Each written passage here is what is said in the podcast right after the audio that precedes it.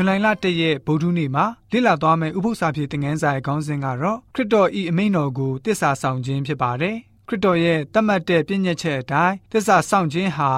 ဖျားရှင်လူတော်တိုင်းစက္ကပ်သက်ရှင်ခြင်းကိုဆိုလိုပါတယ်ဖျားရှင်ရဲ့ပြည့်ညက်ချက်ကိုနာခံလိုက်လျှောက်ဖို့လိုပါတယ်ရက်လက်ကောင်းကတော့ကျွန်တော်တို့ရဲ့နှလုံးသားလေးတွေခုန်တိုင်းဖျားရှင်ရဲ့နှလုံးတော်ခုန်ချက်နဲ့စီးချက်ညီပြီးတော့ပျောက်ဆုံးဝိညာဉ်တွေကိုကယ်တင်နိုင်ပါတယ်။ ဖျားရှင်ကအရင်ဦးစားပေးစေလိုတဲ့အရာတွေကိုကျွန်တော်တို့ဦးစားပေးပြီးတော့ရှေ့ဆုံးမှာနေရာထားရှိပါလိမ့်မယ်။တိမောသေဩရစာပထမဆောင်ခန်းကြီး2ငွေ3 4နဲ့ရှင်ပေတရုဩရစာဒုတိယဆောင်ခန်းကြီး3ငွေ9ကိုဖတ်ပါမယ်။အကြောင်းမူကားထို့သောအမှုသည်ကောင်းသောအမှုဖြစ်၏ငါတို့ကိုကယ်တင်တော်မူသောအရှင်ဖျားသခင်နှစ်သက်တော်မူသောအမှုလည်းဖြစ်၏လူပေါင်းတို့သည်ကယ်တင်ခြင်းသို့ရောက်၍တမန်တရားကိုသိစေခြင်းကဖျားသခင်အလိုတော်ရှိ၏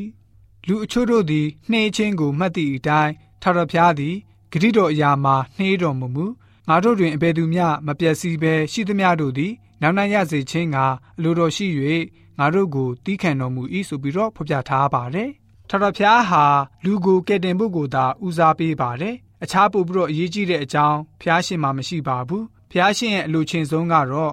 လူတိုင်းကယ်တင်ခြင်းရဖို့နဲ့လူပေါင်းဟာကယ်တင်ခြင်းကိုရောက်ပြီးတော့ တမန်တရားကိုသိဖို့ဖျားရှင်အလိုတော်ရှိပါတယ်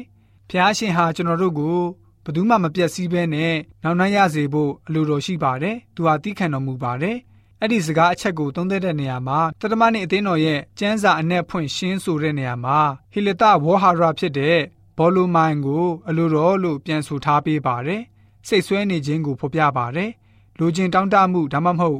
ဆန္ဒပြင်းပြခြင်းကိုသဘောဆောင်ပါတယ်။ ကျမ်းစာအ내ဖွင့်ကျမ်းကနေထက်လောင်းပြီးတော့သို့တော်ဆိုတဲ့စကားရက်လေးလာသုံးသက်ပြန်ပါတယ်။ဟေလတဝဟာရမှာသို့တော်ဆိုတဲ့စကားလုံးကို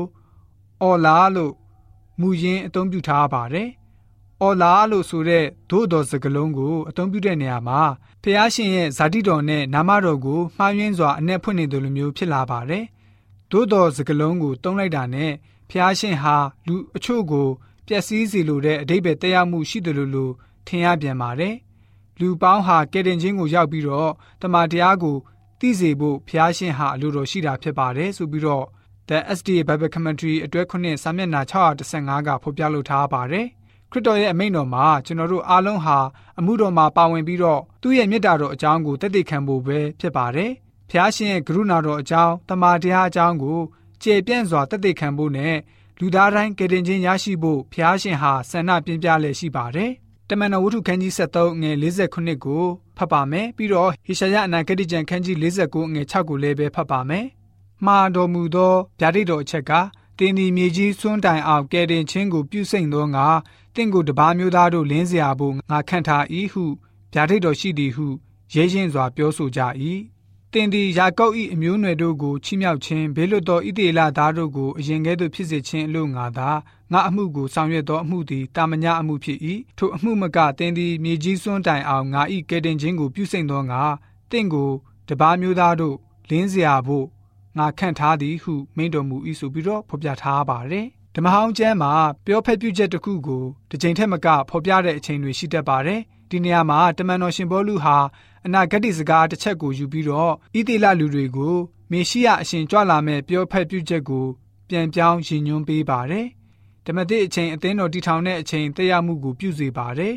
အသင်းတော်ဟာခရစ်တော်ရဲ့အမိန့်တော်ကိုလစ်လူရှုထားတဲ့အတွက်ကြောင့်အသင်းတော်ရဲ့ခိုင်မြဲမှုနဲ့ရည်ရွယ်ချက်တွေပျောက်ဆုံးခဲ့ရပြီးတော့အနာဂတ်ဆိုင်ရာခေါ်တော်မူချက်ကိုတောင်လက်လွတ်ဆုံးရှုံးခဲ့ရပါတယ်။ဒီကြောင့်အသင်းတော်အတွက်အန္တရာယ်တွေကဘယ်ရာတွေရှိသလဲဆိုတာကိုပြန်လည်ပြီးတော့သုံးသပ်ပါ။ကျွန်တော်တို့အသင်းတော်အနေနဲ့ဖျားရှင်အတွက်အလင်းထွန်းလင်းရမှာဖြစ်ပါတယ်။ဒီပြင်အသင်းတော်မှာရှိတဲ့အသင်းသူအသင်းသားများအနေနဲ့လည်းပဲ